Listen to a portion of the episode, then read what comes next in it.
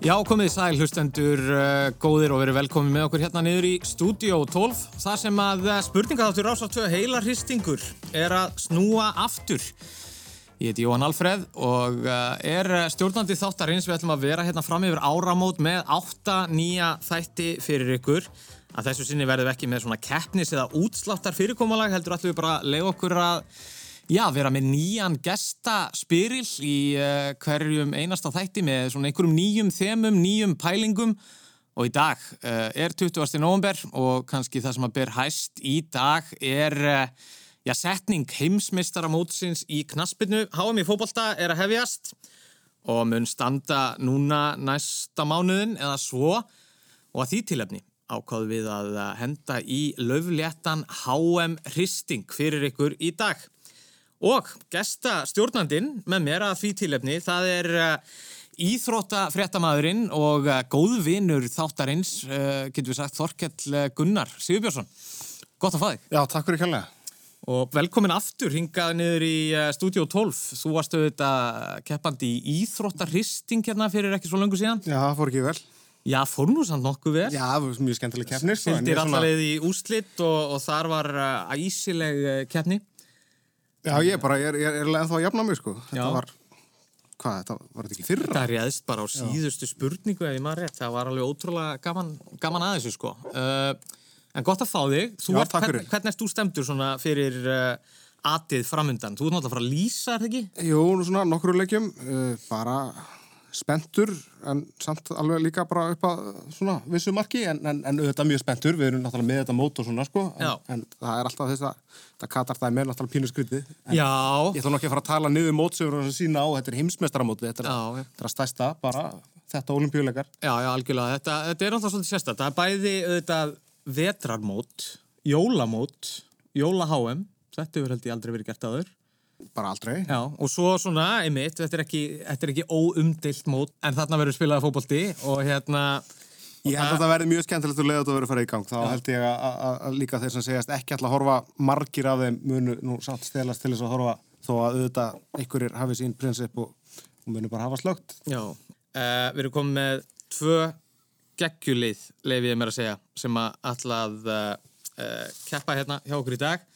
Á mína hægri hönd í Studio 12, uh, já, við erum, já, við, við, þetta eru svona, við getum alveg bara að kalla þetta gæða fókbólta fíkla, þetta eru mennirnir sem að standa að uh, hlaðvarpinu, fókbólta hlaðvarpinu Steve Dagskrá og fyrir þá hlustendur sem ekki þekkja það, þá er það sko Steve eins og uh, mannanafni Steve uh, Dagskrá og þetta eru þeir Viljámi Freyr, Hallsson og Andri Geir Gunnarsson, velkonir. Takk fyrir það. Takk hjá það. Við erum fjölmiðl. Já, þið eru fjölmið. Eru þið skráður hér á fjölmiðlanum? Já, já. já okay. Það komir eitthvað ekki til að góðu en, en það er þetta... Já, en það er náttúrulega líkið ladrið að vera skráður. Já, já við bara fylgjum þeim reglum sem settar hverju sinni. Þannig að ég ætla bara að fá að endur taka, hér eru koni fjölmiðlamenninir, Viljámi mm. Freyr Hallsson og Andri Geir Gunnarsson. Takk hérna. Uh, hvernig leggst HM í ykkur? Fyrir svona, svona mennis og ykkur sem horfir bara mjög mikið á fókbalta, þú veist,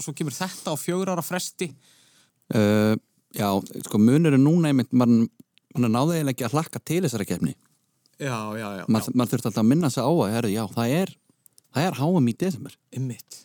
eða nógumber og, og það er einhvern veginn það er svona aðeins öðruvísi svona hvað maður segja tilhlökkun núna sko. Mm. allt í henni er komið að þessu. Mm -hmm. það er svona yfirleitt ekki þannig með hinn háminn finnst mér. Nei. Já, einmitt, það er náttúrulega þessi byð eitthvað frá því að dildakeppna klárast Já. og svo er einhver vínáttuleikir og allir að pæli í þessu í þrjáfra viku. Núna bara kláraðist, kláruðist deildirnar og við erum bara þetta beint í það. Svo er líka alltaf eitthvað smá þinga eftir að Ísland var það að hérna, maður dætt svolítið út að hætta að fylgjast með HM og EM, maður fór bara að fylgjast með íslenska landsliðinu og pældi ekki dörunleikum, núna það maður einhvern veginn að kveika hans á sig. Já, maður endur stilla sig. Fára að horfa á alla hérna. Hverjir standa uppi sem heimsmeistarar? Er þið fengið til að spá? Ég, já það er svo erfitt að segja sko. Argentina myndi ég halda. Já, ég hérna Ég hef ekkert endilega meiri trú á Argentínu heldur en hérna, öðrum en ég vona það samt. Mm -hmm. þannig ég ætla að spá því. Uh, Anstæðingar Stíf Dagskrá hér í dag, mjög öflugli líka. Þeir kalla sig Venediktsson. Uh, þetta eru þeir Guðmundur Bendsson og Sigurvin Ólason. Velkonir, gott að fá Takk fyrir, takk, takk. Hvernig eru þið í dag? Við erum bara stórkostleir Spe Spentir fyrir uh, komandi mánuð? Já, þetta er bara breytir þessum jólamánuði í eitthvað ekstra. Svona supermánuður. Já, þekka allir þigum að sko úr lýsingunum og svona og, og hérna þetta stórt mót fyrir því síðast. Þá voru Íslendikar að keppa og ertu sammála því kannski að þetta sé svona það, það sé hægt að sitja eins betur í þessu móti sko, að þetta hefur tekið svolítið mikla orku af okkur þetta síðasta mót? Já, ég get alveg tekið undir það. En, en að samanskapi er maður eiginlega bara að fatta einmitt í dag að þetta sé að byrja. Það, að svona öll hinn mótin hafa verið öðruvísi þegar maður hefur verið svona pæli öllu öllum liðunum og hverjum mittir og, og þetta og hitt en mm -hmm. það er bara í dag sem maður bara Já, þetta byrja svolítið brátt aðeins Já, þetta gerir það, þetta er, þetta er skrítið og þetta, þetta er skrítið fyrir alla náttúrulega. Og þú veist, tala ekki um leikmenn og þess áttar að vera að koma beint úr deildakefnunum sínum á þess að sé nánast nokkur undirbúningur. Eru að keppast þess að spila leiki núna í, í, í þessari viku eða eru búin að keppast mm -hmm. að finna einhverja leiki til þess að reyna að spila einhverja kannski 1-2 leiki saman áður en að það byrjar og þetta er, þetta er mjög sérstakt og, og gæti alveg orðið mjög áhugavert mót kannski einmitt út af því að þetta er, þetta er öðruvísi undirbúningur og, og bara svona einhvern veginn hend inn í engstaðar, engstaðar í árunnu. Ég er að hellast yfir minningar núna frá því að lýsa í gámi í, Moskvu, ekkur og leggjum á síðan. Ég, ég mun aldrei gleyma því. í var ekki dansku gámur, ef, ef maður rétt fengum lítið hotn í gamlum hjá dönum til þess að lýsa. Á minni skjá heldur en þú ert með, Jóhann. Já, Ísland-Argentina Nei, reyndar að vera á vellinu þar en, já, en já, aðra já. leiki Já, já, já, já, já, einmitt, skil. Þið náttúrulega, já, þið eru að spila einna saman í, í þessu liði, þið hafa nú spilað saman áður Sigurinn og Gumi eh, Venediktsson, er þetta þekkt samvinna svona í gegnum árinni? Já, já, Venediktsson samstepan er bara þjóðþekkt fyrir bæri Já reyndar hefur fjölmjöla nefnd ekki neitt rætt við okkur. ekki fætt fingur út í þetta samstaf en þá mikil verðing búin fyrir samstöpunni greinlega og þeir hafa ekki gert neitt vesen. En þá en, en, en það er aldrei að vita eftir þennan þá Hvað hva eru margir gullfiskar sem í, í umferð núna sem að bera heiti Venediktsson? Sko ég held að já það er mögulega að segja mér ekki alveg satt frá hvort þið séu lifandi eða hvort þið hafi endað í klústinu sko. Um, ég held að sé allavega þrýr Þið haldið utan um svona þekta tippkeppni fyrir svona ákveðana fagmenn alltaf í kringu þessi stórmót sem að, sem að gefur lífunu lit fyrir, fyrir það sem eru með? Já, það er það sem við bætum ofan á þessa visslu, þessa háanvisslu það, það er þessi spurningakeppni og, og ég mitt eins og segir sá sem að stendur sér verst hann, hann fær það lutur hvað annast gullfiskin Venedikt í þá fjór ár. Já, þetta er, þetta er skemmtilega hefn uh, hérna, verða gullfiskar svo gamleir eða? Einmitt eins og segi, ég er ekki alveg með stíft eftirlit með þessu en hérna, eftir því sem keppendur tala þá, þá hafa mynda djúb tengsl við, við þessa fisk og, og hafa ekki þjá með neitt annað en að þessi heila hilsu. Einmitt. Hverjir standa uppi sem uh, heimsmyndstarar haldið því eftir mánuð? Um, ég spá því að það verði uh, argentínumenn. Já, það er bara samstafa. Já, ég, sko, altså, ég er síður því að sko að hvað, þeir eru Amerikumestarar, Suður-Amerikumestarar núna síðast mm -hmm. og uh, gamli Maradona er farin. Já. Ég held að sé ákveðin svona, Já. þessi byrði sem að kvildi á eh, Messi er, er svona aðeins Já. að dvína, hann er aðeins meiri liðsmaður og Já. svona sé þetta funkar núna. Já, og það var, einmitt, þetta var svolítið þannig bara um leið og þeir áttu slagan leik að þá var einhvern veginn Maradona búin að skrúa frá sér í einhverju viðtali Já. í heimalandinu og allt komið í Ég held einmitt að vera frekar að fara að segja að þeir eru meistarar og svo að vera messi að tilengja Maradona. Sigurinn eitthvað grátandi með, með stittuna og svona. Já, hann gerir það nefnlust ef, ef, ef, ef það tekst í honum en hérna, ég held þetta leiði til þess að það verður meiri svona liðsandi í þessu liði uh, og þetta er líka svona síðast í Akkurat, heyriði, við skulum fara að henda okkur í leikin, þetta verður bara mjög skemmtilegt, við ætlum að vera með svona fjölbreyttar spurningar, þetta er nú bara með svipum hættu og oft við verðum hjá okkur í heilaristingi, við erum með laga þrennu hérna í uppafi. Það eru 32 lönd sem að taka þátt uh, á mótinu og við ætlum bara að heyra brot úr þremur lögum frá þremur af þeim löndum sem að taka þátt. Þannig að þetta kemur svona ímsum áttum, þetta tengist ekkert fókbalta, þetta er raun og veru bara músikinn og við ætlum bara að spyrja liðin hvaðan koma lögin frá hvaða landi. Og það er Steve Dagská sem að byrjar. Hér fer svareturinn ekki yfir þannig að það eru þrjústið í bóði Þetta eru bara lönd sem að taka þátt í HM Katar sem að koma til greina. Það er sérsagt fyrri lagaþrennan Steve Dagská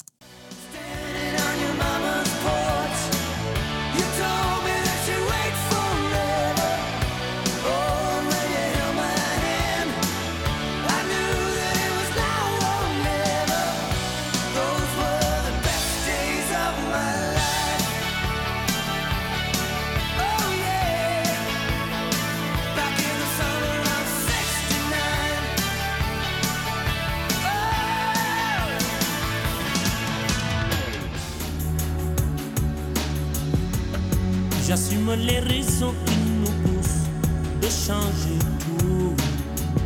J'aimerais qu'on oublie le couleur pour qu'ils espèrent. Beaucoup de sentiments, de race qu'il faut qu'ils désespèrent. Je veux les gamins ouverts, les amis pour parler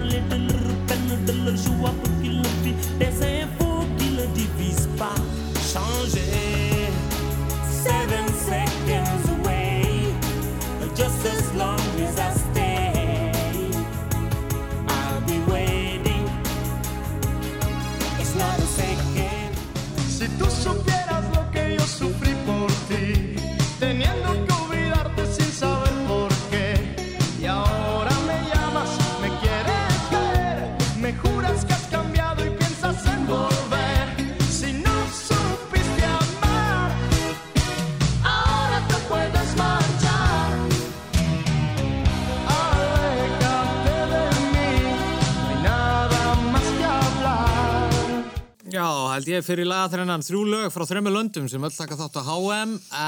Það var svona smá þjáningasvipur á okkur, en samt... Ég bara veit ekki alveg hversu hérna, sniðuð þér er að reyna að vera. Ég er svona, Ég veit ekki heldur, sko. Nei. Uh, ertu viss með þetta? Er ég viss með þetta? en af hverju vill ekki frekar segja að þetta sé bandaríkin bara? Af því að þeir eru svo sniðir. Já, ég er eiginlega alveg viss með þessi kandamaður. Já, það er. Það er eiginlega skemmtilega að fá vittlust fyrir Kanada Við erum en að skemmta. fyrir, fyrir bandaríkin. og hvað segir þá með þetta? Kanada! Það er hárétt, þetta var Brian Adams, hann er frá það, Kanada, lægið Summer 69, Já. það er eitt stíð í hús, hvað segir þið með Kanadu. Já, Kanadu, Mm. hvað segir þið með næsta? Ég, sko, Frakland eða Senegal og eitthvað var svona eitthvað hvort- hversu sniður ætlar að vera. Já, ég heldur hafa ekkert verið það sniðir hann. Nei, Frakland. Já, uh, þetta er Senegal. Jandri. Ah, anskot. Þetta er hann Jussu Endur frá Senegal. Tróð upp í lögadagsall. Reykjavík Music Festival 2000. Mitt. Ég Þetta var að vera einn í rísa hittari hérna eitthvað, 93 eða eitthvað. En nú sjáum við þema sem eru með, sko. Einmitt. Þeir eru mjög sniðir. En hvað ætlar það að gera hérna? Uh, og login, já. Sko, ef þeir eru, ef þeir eru svona sniðir, þá var þetta. Já, þetta er Mexiko. Það er vel gert. Yes! Tvö stig. Þar hafum við það. Tvö stig á var í byrjun. Og það er bara sambarlegt fyrir ykkur uh, Benediktsson. Þrjú lög frá þrjumur löndum.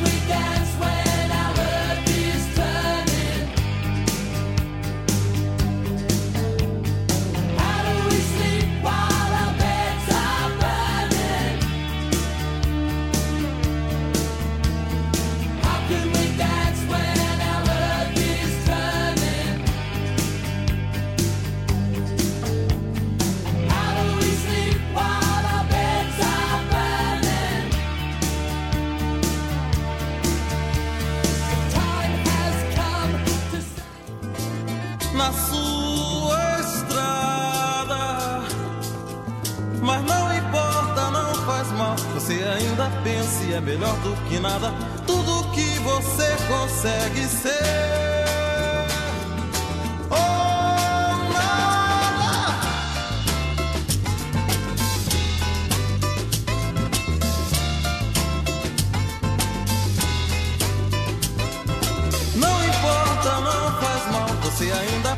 Pensa e é melhor do que nada. Tudo que você consegue ser. Oh, nada. Já, þarna vorum við með setni lagaþrenna og við bara gerum þetta með svipuðum hætti, byrjum bara á fyrsta læginu. Þetta er nú... Já, fyrsta lagið er uh, frá Danmörku, teljum við. Já, þetta er danska eðalsveitin Aqua, Barbie Girl. Já. Herðu, svo fórum við eitthvað annað. Við fórum uh, að við teljum Down Under fyrir Ástralíu. Það er vel gert. Þetta er hljómsveitin Midnight Oil. Beds for Burning. Síðan flækist leikurinn aðeins. Já, smá. Reynum að. En Fannst þetta að vera portugalska? Sko? já, það, Það var er eins og þetta væri svona, þetta, þetta hljópaði eins og Eurovision lag frá Portugal hreinlega. Þannig að við ættum að segja Portugal. Það er náttúrulega portugalski Brasilíu líka, sko. Það er... Þess vegna erum við að segja, að segja Portugal Já, nákvæmlega. Segum ekki að það er Portugal. Jú, jú, við segjum til Portugal. En ekki? Jú. Jú. Portugal er svarið okkar. Já. Já, þetta var Brasilia.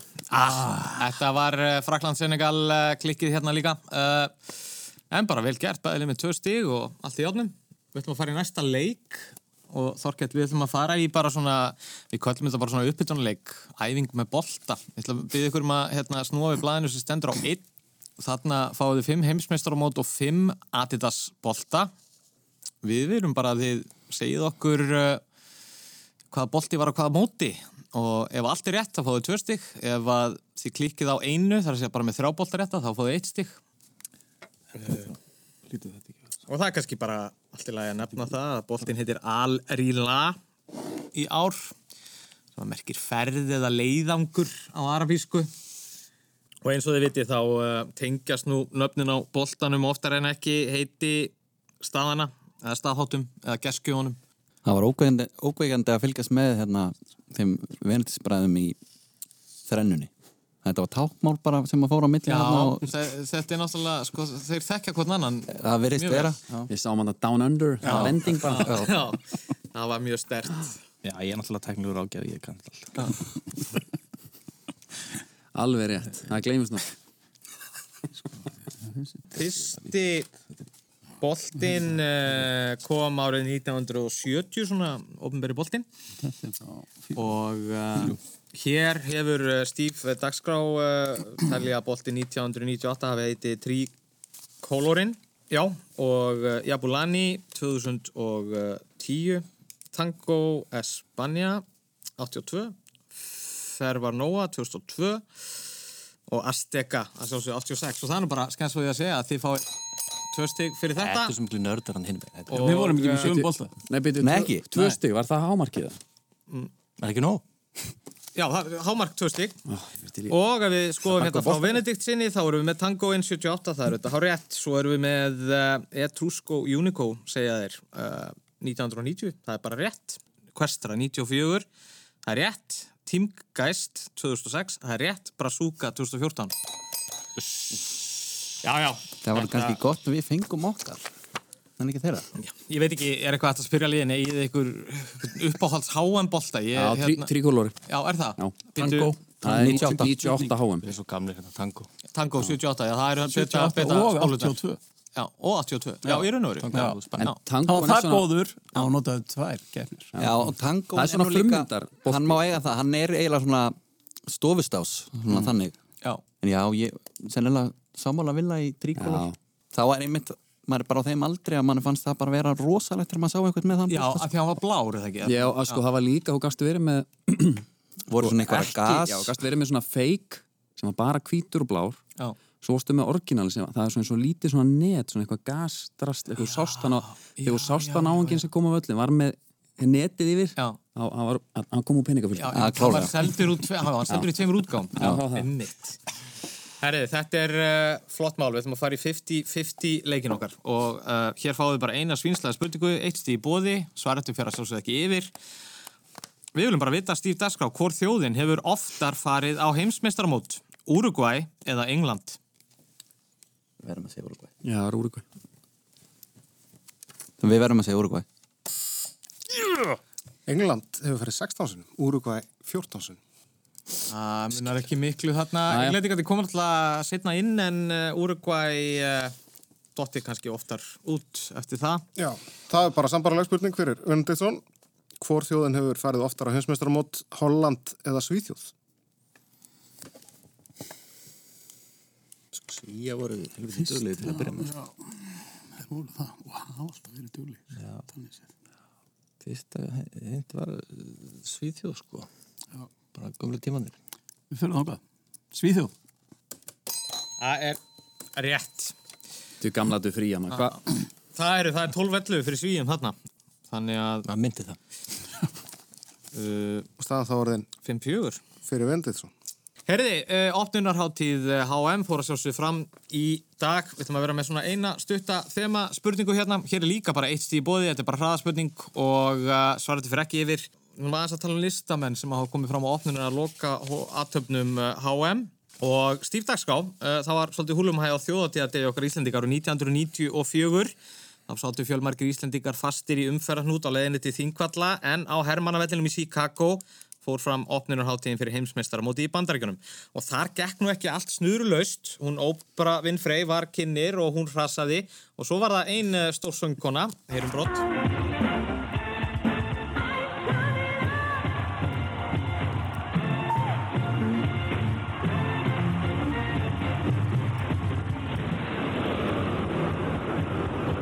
Við heyrum hana hérna flytja uh, lag á opnurháttíðinni og uh, þarna var svona mikið moment því að hún átti að stilla sér upp á vellinum og sparka bolta í marki sem átti við það að klopna í tvent og þetta átti að vera mikil síning nema þetta klikkaði allt saman. Hún brendi af vítinu, skaut framhjá og þar leðandi var heldur hjákáttlegt þegar marki fór í tvent í sömu andró. Hvað stórsönguna var þetta? Þetta var Dæna Lilla Ross Við hérna hugsaum með mig til náungar sem var í marki hérna Hann er bara til einhvers staðar Það skuttla sig hérna og boltinn framhjá Hann hætti að láta mjög- sig hverfa um leið og búin að skjóta framhjá. Hann var rosalega sena þar með er allt uh, jafnt og þið fáið bara svipaða svona hraðaspendingu. Já, loka, loka aðtöfnin á HM á Ítalíu.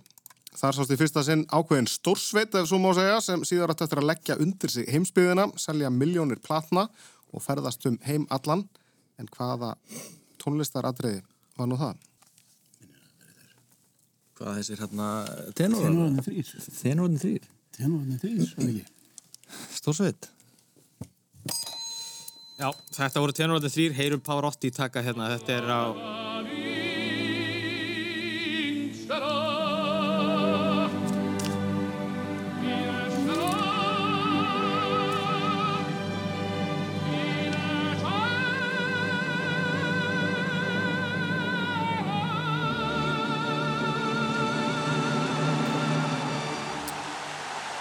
Já, og þetta er Pavarotti að taka Nessum Dorma á loka tónleikunum og þarna komið tenorðin þrýr fyrst fram. Uh, Ætlaði ekki verið ákveðin tilvísin í þetta gummi hjá okkur á EM í fyrra þegar Bocelli steg fram hérna í settingarhatti. Ég geti trúið þínum. Já, og þetta var jafnvel sko skemmtilega enn mótið uh, bara þetta hérna segja sumir uh, lið Veneditt svona leiði með einu stíi þegar við ætlum að fara í valflokkana og það kom það fyrri valflokka umferðinni þeir eru með blað fyrir framann einhvers sem stendur á tveir og þar eru valflokkandi sem eru í bóði núna í fyrri umferðinni. Það er Steve Dagskrá sem að fá að velja fyrst uh, og þið veljið þá spurningu fyrir ykkur. Uh, það eru tvö stíði í bóði, ef þið klikkið þá getur Benediktsson stólið einu stíði og Benediktsson fær síðan spurningu úr sama flokki. Og þannig að þeir eru líka að velja fyrir þá. Og svo megið þið velja á eftir. Og flokkarnir, Þorkell? Já, það eru skraudlegir stöðnismenn, debuteringar á HM, elstur og yngstur og þjálfarar á HM í Katar. Hvað segir þið með þetta? Er Þetta er taka? alveg öll sagan og, og síðan bara nútíminn. Við erum aðstæða að pæla hver, í hverju þeir eru sterkir líka Já, klálega. Hérna, Leikjafræðinni byrjuð, þetta er Já. Ég veit að skrautlegi stuðnismenn er ekki þeirra tilbúinni nei, það er líka svarið er Hjörvar Haflaða, held ég. Hérna, ah, Öllu spurningum. uh, sko, mér líst eða best á debuteringar. Nei, samt eða Það ekki. er bara, Með það við gæti verið svífirlegt Já, En ég, þetta gæti allt verið það Ég, ég stöndur bara föllum að því debuteringar á háan ég er bara svo hrættur um að koma upp með, með þjálfarana, sko. Við komum öll upp um okkur á einhvern tíma En ef að fara þá í þjálfarana, frekar? Já, já þangað. Þjálfar á háan? Já. Já, þá fáið þið eftirfærandi spurningu. Þetta eru þjálfara HM í Katar, já. Í háriðli á HM 2022 í Katar mun þjálfar eitt stýra liðið sínu gegn heimaþjóðsynni. Þjálfarin er portugalskur og var landslýðþjálfari Portugals á árunum 2010 til 2014. Hann hefur, hefur hins vegar stýrt Suður Kóriðu frá 2018 og mun stýra Suður Kóriðu gegn Portugal í loka leik reyðlakeppnar. Hvað heitir þessi portugalski þjálfari? Þú veist með þetta Ég, sko, það er bara, Já, takk það bara við hefum að vita þetta samt. Já, ég veit alltaf um þetta, bara þetta er rétt Já, uh, ég var að segja Carlos Queiroz. Það er ekki rétt, hér er stig í bóði fyrir Benediktsson. Er það ekki? Jú, ég man ekki hvort ég nákvæmlega með honum Pálo Bento Og þar datt inn stig. Carlos Queiroz sem með Íran. Ég, vi, við vissum þetta alveg. Já, já. Það, hérna, herriði, þið fáið sambarlega spurningu. Í sériðli á HM 2022 í Katar mun annar þjálfari stýra liðið sínu gegn heima þjóðsynni. Þjálfarin er argentínskur og þjálfaði landstið Argentínu árunum 2014-16. Í dag stýrir hann hins vegar Mexiko og hefur gert frá 2019. Hann mun stýra Mexiko gegn Argentínu í annar umferð riðlakeppninar. En hvað heitir þessi argentínski þjálfari? Veit ekki svarið þessu spurningu Ég var að horfa þátt. Tvö stíði búið fyrir Benediktsson.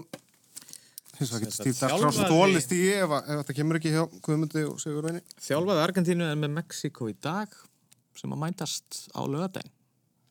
Blanko Þetta er ekki að koma. Þá Pössum hendum þetta. hendu þessu yfir. Eru þið með stig hérna í bóði? Ég sé hann fyrir mér sko. Stig dagskrá. Uh, er setna nafni, er það ekki alltaf í svona, Þetta er, já, ellendnafn, þannig að ef að þið eru með... já, uh, við ætlum að segja, þetta er ekki rétt. Jæja, Martino. Já, held ég. Þetta er hann uh. Gerardo Martino. eða- Sjá hann, maður. Martino. Var ekki um Barcelona hérna um árið? Já, hann vinnur með sí. Herrið, hvað segir þið, Venetinsson? Hvað, hvað líst ykkur á þarna? Jæja.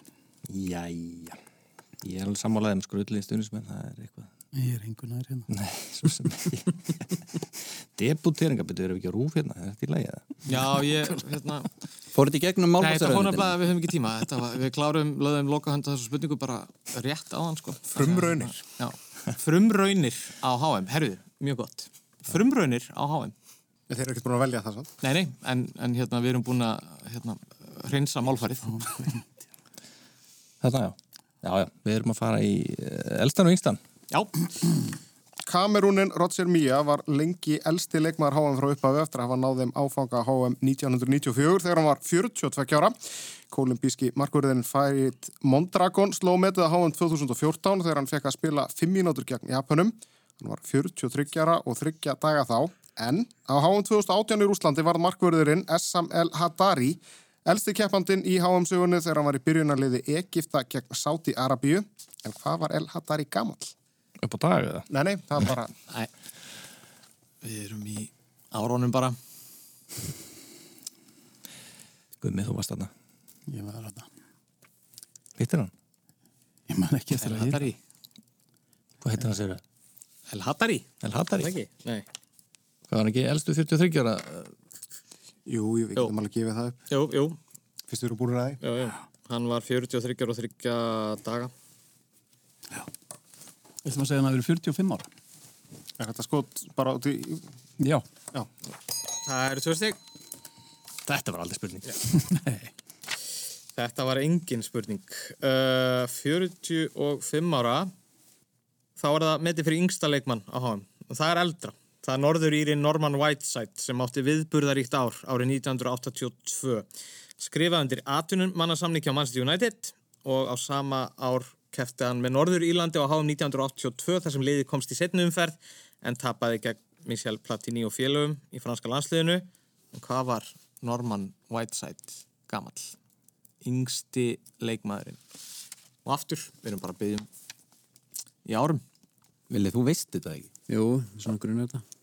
Uh, Já, þú skrifar hérna niður 16. ég ætla að sé 16 ára. Já, en hvað með bara 15? 15? Já, 15 og nokkura mána alveg að vera 16. Nei, 16 kannski. Ég hérna, Jú, jú, segjum þetta það. verður bara gísk sama hvað, sko. Já, já, Hvað ætlar að segja? þú ætlar að segja 16. 16 ára. Nei. Og það færist yfir. Hér færist, það er stigi bóði. Og 17. Nú, nú, það er verið að moppa bara gólunni. Herði, já, hann var jafngamall og Pele, en hann var bara yngri. Hann var bara 17 ára og 41 daga gamall.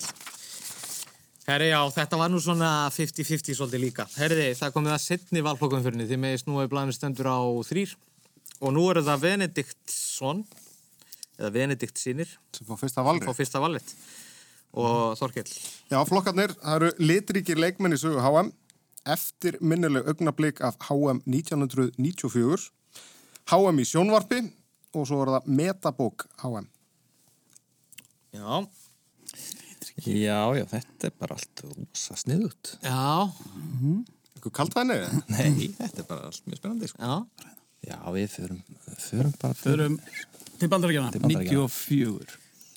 Eftirminnileg augnablík af HM 1990. Þú sérðu kallinn. Hún leiðist ekki núna. Nei, nú líður honum bærilega kallinum. Og Dan Petrescu. Hvað sagði með til skullinu? Nei, hann fór í villis. Hann fór til viltri.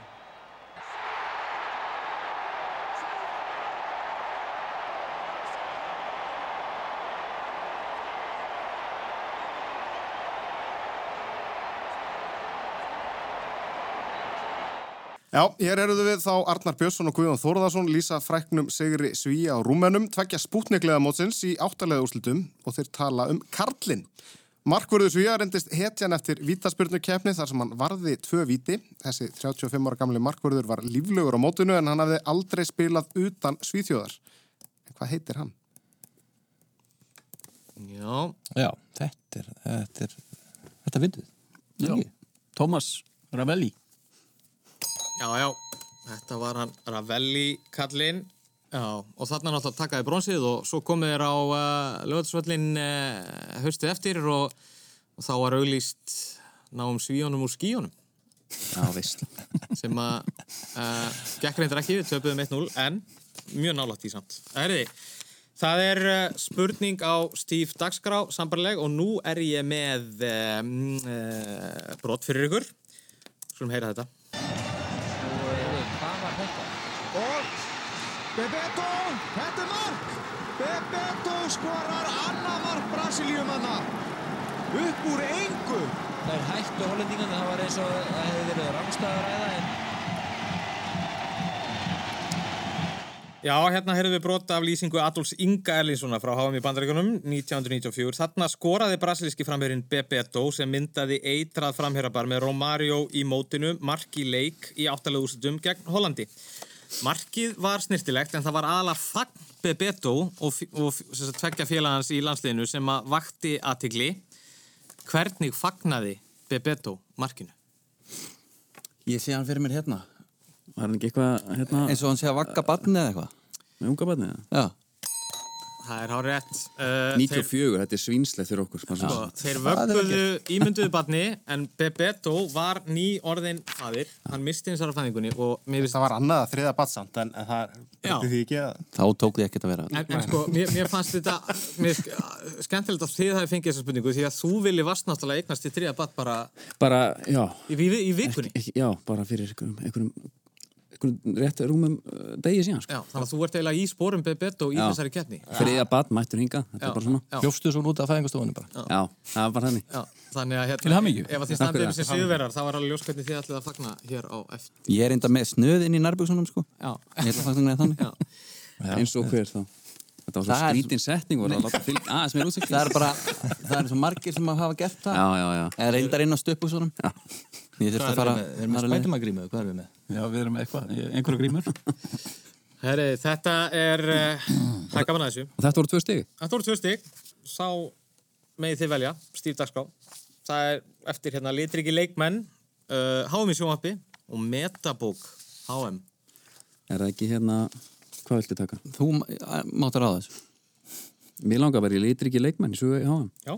Já, þá gætu við svolítið hrættur um að fáum eitthvað fyrir okkar tíð, sko. En já, Það verður ekki klikka hinga til. Er þetta læst? Já. þetta er læst. Já. Fáðu þið eftirfærandi spurningu. Sinnadinn Sítan var allt í öllu í franska liðan á HM 2006 í Þískalandi. Hann virtist lítið hafa fyrir hlutunum, leik viðdómlega í hjarta liðsins og sólaði til dæmi stjörnum prítlið Brasilíu upp úr skónum í áttalega úrslutum. Það var eins og verið stattur á skólanlóðin að leika sér í fótbolta. Sérstaklega í úrslitaleiknum þar sem hann kom frökkum yfir með djörfu panekaskoti úr vítaspyrnu og svo þetta þegar hann skallaði Marco Materazzi fyrir að tala illa um systur hans. Nokkrum dögum fyrir þennan fræga úrslitaleik náði paparazzi ljósmyndari mynd af sítan á hótelbar þar sem hann safnaði kröftum. En hvað var sítan að gera á myndinni sem vakti aðtikli? Var hann ekki með síkaretta? Jú, eða ekki. Líkur það ekki svona beinast við? Já. Jú, jú, segjum það. Það er rétt. Hann var með síkarettu í kjæftinum og já, hann vakti miklu aðtekli. Uh, rúlaði samt upp þessu móti. Þetta er náttúrulega 2006 mótið. Þetta er að eitthvað um það. svakalegasta uh, svona svakalegasta útganga sem maður hefur séð. Já. Svo kom hann bara heim og hildur. Já, það veit. Já. Ég hælir bara allt gósa, búið að nappa með síkart, hann var bara, hann var gjörsanlega bara trilltur, bara í kringum allt þetta mót. Herðið er mjög gott mál og þá er það Benediktsson. Árið 1999 laði hann skona á hilluna. Það kom á óvart, en það var hann bara þrítur og það er ekki markvörður sem oftast endast lengur í boltanum. Hann hafði líka leikið í úrstættarleika Európikeppni byggarhafa þá um vorið þegar liðans Mallorca tapaði fyrir Lazio. En hann hafði líka vakið heimsatikli árið áður á HM 1998 þegar hann stóði marki Argentínu allt mótið sem tapaði fyrir Hollandi í áttalega úrslutum eftir að hafa unnið England í 16. úrslutum í víðfrægum leik. Alex Ferguson, stjóri Manchester United, mun hafa haft augastað á kappanum en allt kom fyrir ekki. Markvörðurinn hætti allir í knaspunniðkun. Ástæðan var svo að söpnuður hans í sjöndadags aðventistakirkjunni undibjósi nú undir heimsendi á því herrans ári 2000 og hann vildi helga sér trúni algjörlega. En hvað hétt þessi litríki argentínski markvörður? Gogotia? Nei, ekki var það Gogotia. Stíf getur stólið stíl. Hvað? Það var eiginlega eina sem ég dætti Já, sko, hérna En sko Argentísku markmaður Já, sko næst besti Já. er Abon Lancieri En ég held að hann hafi bara spilað lengi, sko Já.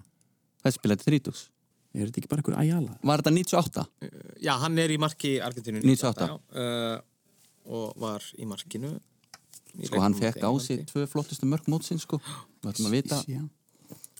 Vita hver svart þetta hár, eða? Nei, hann var með svona, svona milli sítt bara Nú leifa aðeins að vaksa Ok, herru uh, Þetta er ekki Abon Lancieri Nei, þá segi ég það ekki Nei, segðu Þetta er æjala Nei, þetta var hann Carlos Róa. Byrjaði svo ekki ekki aftur síðan sköllóttur? þegar- svona, einhvern mann Já, eða svo seinna náttúrulega kom eftir að ekki- ljós kom að hann kom ekki heimsendur og... Já. Ótrúst Þá- að vakna upp við það Já. Það eru við bara lífi Já. Hanskarnir á Let's go. Já, einmitt. Það er ekkert verið að flækja það. Er það, le leikar er að jafnast? Þegar við eitthvað fyrir stígin? Eða Eh, viltu býða með það? Sko, daðan er 12-10 fyrir Benediktssonum. En það getur allt gæst. Ég er ennþá að hugsa um Carlos Guiros hérna, hvað Guiros hérna Já, Við vissum alveg hver hann var þetta ekki- á kottan í kvöld. Já, Uh, ég- gæti verið. Herði, uh, við ætlum að fara í skemmtilegan leik sem við kallum stjörnur HM 1986, 98 og 2014, 1, 2 eða 3. Nú ætlum við að spyrjum stjörnur HM. Við förum tvær umferðir, annað liðið velur fyrst og síðast, hitt liðið fær valið 2 og 3 og þið veljið ykkur keppni og þyngd fyrir 1 stig, 2 stig eða 3 stig. Og þar sem að Stíf Dagskráður undir, þá megið þið ákveða hvort að þið viljið byrja á enda eða taka valvett 2 og 3. Við þyrftum eiginlega að fá að byrja Ég held Þannig að þeir sé ekki svínslegir og taka af okkur Ég er sem alveg er við því sem. Ég er alveg sammála því Við hérna Þið viljið byrja? Við byrjum Ok, og viljið taka 86, 98 eða 2014 og hvaða þyngd viljið þið fá?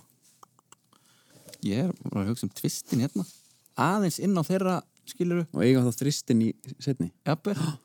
Já, ég er alveg til í það. Við ætlum að taka hérna tvö stig 98 Um mitt Tvö stig, HM 98 Markvörður og fyrirliði Paraguay sem náði í 16 leða úrslit og strítið þar frökkum. Hann var valin í lið mótsins næst. Markaðasti markvörður allra tíma en hann skoraði 8 mörg fyrir lið Paraguay. Hver er hann? Sílavert Bang. Leikar eru jafnir, þetta var Jose Luis Silavert eftirminnilegur. Það var það? Skoraði hátt í 80 deildarmörk á sínum ferli. Og fótur á Það var með rosalega flata rist. Já. Hann tók aukaspinnu í fyrsta leiknum eitthvað sem var svona bara alveg Já. háspreytt þar að fara inn í, í ykkur markalösu játtöfli það var svona hábúntur niður leik. Þá eigið þið næstu tvo valvetti. Og það eina sem er farið er tveggjastega leikmaðurinn í HM 98 en við eigum allt inn í 86 og svo eigum við allt inn í 2014 Já, við tökum tökjast eða 86. Við spurum um belgískan miðjumann. Hann var valinn efnilegasti leikmaður mótsins, HM 1986, og hann spilaði með anderlegt á meðan að mótið fór fram. Enzo Sifo. Það held ég. Þetta var bara hárétt. Tvö stig. Óskar Rapp reynda að drepa hann í Európleik Káer og Torino um árið. Já. Gekk ekki, en gerði mjög heðalega tilhörn til þess að tækla hann. Býtu, K.R. Torino, hvernig er þetta? Þetta er eiginlega svona 9-10. Já, bara þegar hann er bara bara að spila sína fyrstu á. Já. Og hvað er það bara tæklingi háls? eða Já, hvað? nánast. Á, á útivelli sem fór ekki vel í stunismenn Torino. En við höfum að vilja eftir. Já. Það er bara spurning hvað viljiði sækja eða viljiði taka, taka þetta tvist eða viljiði Takk að af þeim segja Guðmundur. Já, já, ég vissi það, Nú fer ég að starra í augunum. nú, sko, leikjafræðin, þetta er það sem að við viljum það verður bara uh, fínt sko. Ekki? En sko eftir á, með að við- það sem ég ætlaði að gera þá var þetta vittlist Þeir, bara þeir vita þetta ekki. Þeir eru svo ungir. Nei, nei. Þeir fara hingað í restina sko. Já, leiklega. Herri, ég glemdi að nefna það að hér getur svaretu farið yfir og það er þá eitt í bóði alveg sama hvort það sé hver þyngd spurningar hann er. Þannig Þeir eru með trist, 98. All right. Þristur 98. Leikmaður nummer 10 hjá Norðmönnum á mótinu. Hann með Hertu Berlín á meðan mótinu stóð. Skoraði Sigurmark Norðmanna gegn Brasilíu úr Vítaspyrnu. Markastir leikmaður Norex á lokamótum HM með heil tvö mörg. Hver er sá? Við erum í Núri. Eftirnöfnum dugar. Já. Það held ég. Sjettil. Kjetil Regdal. Þetta var vel gert. Settil Regdal, skoraði á móti brössum og við skulum orða þannig að ef að hann Holland kemst á lokamót þá var ekki ólíklegt að hann sláði þetta marka með normanna. Ég var, var stattur í Oslo núna í mæ, það sem að, var eitthvað ammali Sofía samtökum íþróttafréttamann í Noregi, 100 ára ammali og þar var þjálfarinn Drillo, dregin á flott og ennþá að rifja upp hennar sigur á mútið Brasilíu. en það fór eiginlega minnstu tímin í það, heldur aðal uh, hobbið hjá, hjá normönunum er að spurja Drillo út í hæð á einhverjum fjöllum hér og þar í, í heiminum. Þannig að það bara sögðu ykkur tala bara 2479 og þá bara stendur Drillo og hugsaður og svo bara reyður hann út úr sér fjallinu sem er það hæsta fjall í Paraguay eða Nýja Sjálandi eða eitthvað. Það er svakalega. Hendur þú ekki alveg öruglega í bara 2119? Nei, hann kom til okkar eitthvað, já, er þið frá Íslandi og þá fór hann bara eitthvað að þöldu upp einmitt Hvannadalsnjúk og með nýjustu tölur frá landmælingu Íslands. En Þetta er líka takt við hans fótbolta. Já, heldur betur, heldur betur. Þetta er ný, Þetta skemmtileg. kjarnar Þetta er geggjaðu móli. Eh, Það er þá komið að ykkar síðasta valvetti. Já, það eru komnir í smá brekku. Það er spurning hvort þið þurfa að sækja eða já. hvort það, en það er líka hægt að taka bara Það væri og- skrítið að gera eitthvað annað en að taka 14 fyrir þrjú stig 14 fyrir þrjú stig. Hann leik framalega á miðinu með Fulham og með landsliði Costa Rica sem komst allalegði áttalega úslit á HM 2014. Líklega aðal maðurinn fyrir utan markverðin Keylor Navas í þessu skemmtilega spútningliði. En Hvað heiti kappinn? Uh, Fúlham, Sann í Costa Rica Fúlham Costa Rica, jú. Já uh, Þessi hér Var hann ekki bara þar? Jú, jú. Já, uh, Brian Ruiz Það held ég þrjú stig Ég var sko að hugsa um það. og Já, Ég skrifa bara eitthvað. já, já Ég var komið að bóa morti hérna niður, sko. ja, það, Bara hefur hvað er ég að segja. elska það, það ofpepp sko. Eh, Hérna, herriði, ok, þetta var Brian Ruiz og það sem meira er, hann er ennþá að spila og hann er fyrirliði Costa Rica á mótinu sem er að hefast í dag 37 ára gamall Við erum að fara í hristing sem er auðvitað að loka uh, liðurinn okkar og uh, já, stíin Þorkell Stíðin verðandi svona 17, Stíð Darskrá 15. Þannig að það getur allt gerst. Uh, hristingur er ekkert svo ólíkur því sem við höfum verið að gera núna því snúið blæsið stendur á fjórir og þar eru fjórir flokkar í bóði sem eru flokkarnir í hristingnum og það má velja spurningu úr þessum flokkum fyrir annarkvort 1, 2 eða 3 stig og við förum þrjár umferðir. Uh, það mun á tveimur stigum þannig að ég held að hér geti allt gerst flokkarnir í hristingnum Þorkell. Markakongar HM, frægar vítaspurnukeppnir, spútniglið á HM, dómara skandalar. Staðan í 17-15 Fjóru flokkar, 1, 2 og 3 stig í bóði hvernig flokki. og uh, aftur er það Steve Dagskrá sem á að velja fyrst því að þið eru undir. Spurningin er vilja menn sækja, vilja menn haldi í horfinu. Þurfu ekki að komast yfir bara. Jú, ég, ég væri alveg til í að komast yfir. Já. Setta því ég veit hvernig gummur undir pressu. Það eru margir skólar í þessu. Já. Um, já, er það ekki? Við förum, jú. Við verum að taka þér ústi. Hva, og hvað langar það að gera? Ég var svona alveg til í marka kongana. Já. Er það ekki? Ok. Færist eitthvað yfir eða? Eitt stíð bóði Já. ef að eitthvað klikkar. Já, ok. Þannig að hérna... Ætlum að halda okkur þar? Já. Nei, Nei, í markakongum vilji. Haldt okkur í reglunum. Já, ég- ferð hérna, Ég held ég væri að fara að breyta reglum. þú ferð að efast um allt sín alltaf, þú, þú leggur alltaf eitthvað fram, ég sé já, gera það og svo ferð að efast. ég er efansenda pjessi, sko. Já, ok. Markakongar að háa um þrjú stig. like it. Á HM 1994 deildu tveir menn markagóngstitlinum með sex mörg hvor. Annar var búlgaski snillingurinn Hristof Stoichkov en hinn var rússi sem skoraði fimm mörg í leik gegn Kamerún. Hvað heitir sá? Ágæti herramæður. Þetta er þryggjast eða markakongur. Rússi. Þú með þetta? Nei, þetta er ekki með. Stig, nei, fimm mörg segi ég. Í leik gegn Kamerún. Uh, hérna, Þetta Lúsni, hvernig veistu það hljóma? Þetta er ekki gefins. nei, þetta er ekki hann. Nei, veistu, ég bara er, það kemur, kom ekkert. Nei, þetta er þetta ekki bara på bórski það. Já, nema, hann var bara ekki rússi. Nei, bara eitthvað nafn, skilur, ég vil bara eitthvað nafn. Uh, Þess vegna var ég með lúsni. Lúsni. Já. Hva, hvað ætlar að segja? Bara Jeltsín eða Gorbachev eða eitthvað? Já, eða Bó Morti. Hérna, Lúsni, bara flott. Já. Nei, herrið, stig í bóði. Ég er bara mann ekki. Já, þetta er... Ég uh, heyrði að þið voru samt komnir á svo slóðir þó að þið, ég ætla nú ekki að fara að gefa ykkur þetta en ég heyrði að þið Já, sögðu fornafnið í ekki? kvíslið hérna sko. Já, já.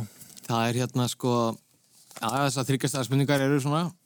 Já, Þetta er ekkit eitthvað Þetta er stór ekkit- nafn. Nei, hann átti nú ekki mjög kannski ekki stóran félagslega feril sko, eða svona allan ekki utan Rússlands held ég. Nei, þetta var hann Oleg Salenko. Ég heyrði að venni sagði Óleg Kanski Títov Fá hann þá bara hvað hálft eða? Bara ekkert Það er ekkert, en hérna... Að næst. Já, og, en hann skoraði fimm mörg í einum og sama leiknum gegn Kamerún og ég held að það sé með þar að segja fyrir mörg skorið í einum leik af sama manni. Uh, heyrið, þið eigið valett. Við ætlum að halda okkur við markakonga og fara í tvö stig. Já. Já, þá er spurningin svo Hver skoraði flest mörg á HM 1990 eða 6 mörg? Það var uh, Salvatore Skilacci. Skilacci. Tóto Skilacci Og kannski merkild, merkild starrindi þessu að hann skoraði nú ekki nema sjö landslismörk fyrir Ítalíu á ferlinum. Þannig að sex að þeim komið á þessu móti. Það var held ég, var þetta ekki bara varamaður til að byrja með? Muniði eftir þessum leikmanni. Ég, þetta er svona, ég, svona allir sem hafa áhuga á HM veginn áhuga á þessum gæja bara því að, að því að hann var svo óvænt. Já, þetta var svona bíamöndan típa, það var eins og hann væri nýbúin að borða lasagna diska á nærbólum, sko. Mjög vennilegur eitthvað. Það er spurning með, Við erum í kölunum. já, eða svona, Hvað viltu, sér? Ég, sko, ég er spenntari fyrir víta spilnu spurningunni en það þýr ekkert að við séum eitthvað líklegri. Sko. Þú fegst þennan, ég fæði þennan núna. Ok. Spútnik leða háa um þrjú stig. Þetta er björliðar, svona miklar björliðar, sko. Já. Ok. það ekki.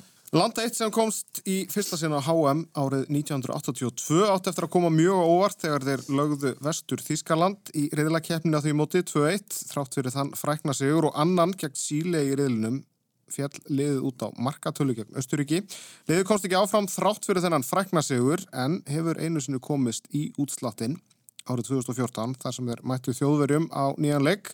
Eftir marka lausan leik tók við æsileg framlegging þar sem þjóðverjar höfðu betur 2-1 en hvert er þetta spútniklið? Strókum með 82 bara alveg út.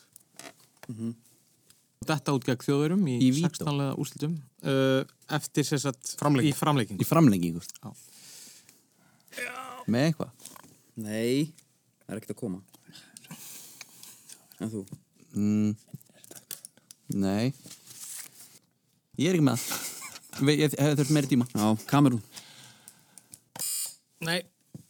Og hér er stig í bóði til að sópa upp. Tippum bara á þetta. Já, ég, minnir þetta veginn en ég er bara ekki alveg viss skjóta á Balsýr Já, veist, veist ég vissi þetta Var þetta ekki algjör skanda þjóðar Austuríki hérna? Já, er þetta ekki það, dæmi? Disgrace of Guillaume eitthvað Já, gott ef ekki Og hérna Jésús Það er hann alveg gjössalega hvarvita maður Heyri. Nei, þetta var bara eitt að þeir fá stig hérna, uh, sko, teknilega séð þá er Steve Daskó bara vel inn í þessu uh, en það er samt spurning hvað gerist hér. Uh, hvað vil ég taka? Já, við mælja Samt erum við ennþá inn í þessu. Já, já.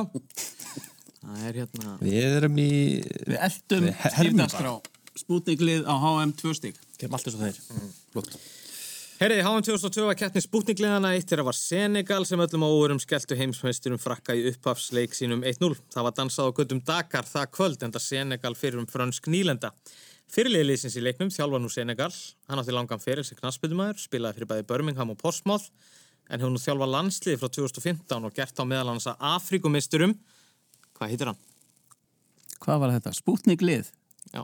Það spurtu þjálfara? Já, þetta var smá húkur. Það var sínslegt, sorry. Það spilaði spútningliðinu, sko.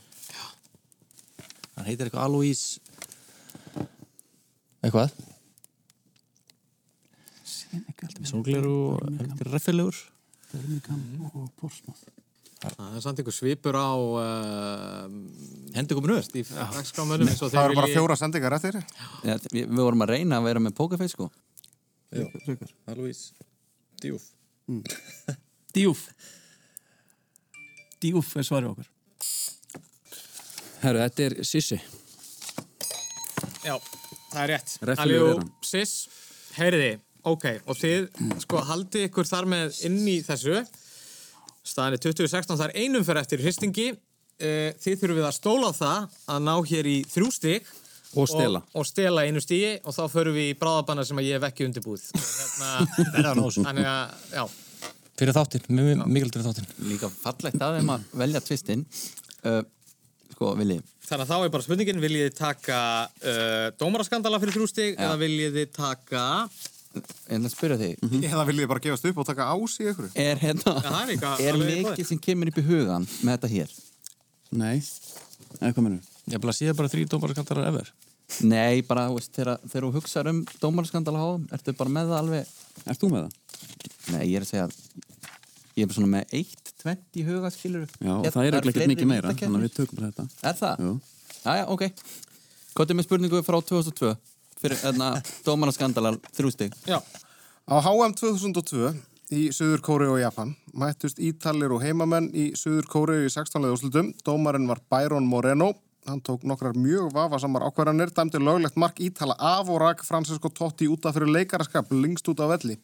An Jung Hwan skoraði svo sigumark Suður Kóri með gullmarki. Ítalska þjóðin trilltist og fórseti fótbolltafélagsins Peruzia hóta að taka an af launaskrá.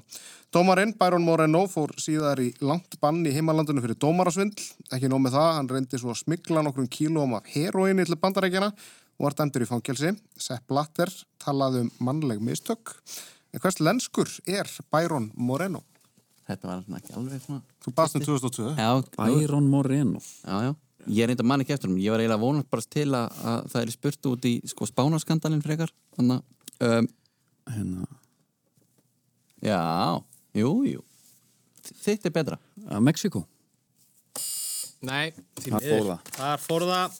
Eru þið með fyrir einu stígi? Sko, í minningunni minnum við að Herði Magnússoni hafi orðið mein illa við alla Portugala eftir þetta og þess vegna maður minnum við að hann hafi verið Portugali þessi dómari.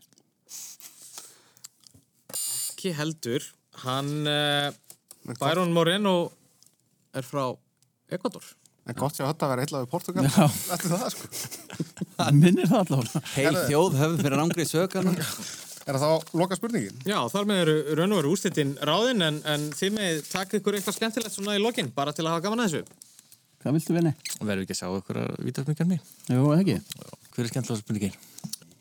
Ég myndi segja að Ég myndi nú segja svona bara upp á fjörið að gera þá væri nú gaman að taka þrýstinn sko Já, gerum það Akkur ekki. Úslitalegur HM 2006 er fyrst og fremst þekktur fyrir skallasinnindin Zidane í, í bringu Marcos Materazzi. Frakland og Ítali áttust við og eftir að jæmt var 1-1 eftir vennulega leiktíma og framleikingu tók við vítaspyrnukefni. Ítalar skoruður öllum fimm spyrnum sínum í vítaspyrnukefni en hver skoraður 50 og síðustu vítaspyrnunni sem tryggði Ítalíu heimsmeistaratitilinn 2006. Mér er alltaf fundist þetta svo magna moment sko þetta að ná þessu sko að tryggja titilinn sko. Ég sé að, að Stífi veit þetta. Ég meina, Já, Töðum já, bara. já, já. Og nefna hann í- Er ekki búin að nefna hann í þettinum? Ég vildi fara í vító Manstu það? Já, er þetta ekki hann hann Er þetta ekki Fabio Grosso eða? Já, það getur bara höllur. Já, mér minni það. Grosso er bara svarið okkar. Jó. Það er bara hár rétt og uh, ég veit fyrir víst að Stíð Darská var með þetta Já, já. en það hefur Fabio Grosso verið á vörum þeirra hér fyrir þættinum. Ég treyði mitt hérna, ég var að spila í utandildinni fyrir austan einu sinni og við boltafélagi Norrfjörðar á móti Spyrni minni mig Eh, Ég, ég man þessu leik. Já, þetta var upp á hérna, fella, Fellabæ og allt undir Vító þá ná, æmitt, hugsaði til Grosso Já. tók bara alveg eins Já. Víti, Ah, er, treyði þetta. Já, þetta er sannlega alveg styrlað. ég er rauninni lekið eftir sko. Já, ég held að Petit hafi átt svipað moment fyrir frakkana 98 því að það var 3-0 og hann var spurður út í það í viðtali, þú veist hvernig var að tryggja titilinn, hann sagði, man ekki eftir því. Voru í bara. Já, menn þegar sést þegar Grosso var að fagna þessu marki að það er bara hann veit ekki hvert hann á að fara að gera sko. hann, er í, hann er líka í blackouti sko. Herri, það búið að vera frábært að fá ykkur, þetta var stórskemmtileg viðrögnin, þetta endaði þannig að það er lið Benediktssonar sem að uh, fer með Sigur Hólmi 21-16 uh, bæði liði stóðu sér samt bara mjög vel Stíf Dagskrá hefði mátt að taka vítaspilgjum Já, það er er alltaf eitthvað, það er alltaf eitthvað sem að menn þurfa að taka með sér á kottan, það er bara þannig. E, frábært að fá ykkur og við fylgjumst að sjálfsögum með HM bara næstu fjóra vikurnar, Þorkell, til hamingi með Sigurinn, Sigurinn og Gummi. Takk. Takk. Og hérna, þið eru nú Það er vanið náttúrulega í að... Vinn. Já, já. Já, vanið að vinna leiki saman. Já, já. Það, það, þetta er ekki fyrsta sinn. Er. Herði, e, og Þorkell, bara gangið þessum allra best í törninni framöndan. Já, takk fyrir að lega mér að vera með hérna í dag. Já, bara æsla gaman að þess að við heyrumst um uh, næstu helgi. Þá verðum við með nýjan uh, gestaspyril, nýtt þema. Það verður eitthvað mikið fjör. Takk kjalla fyrir í dag. Right.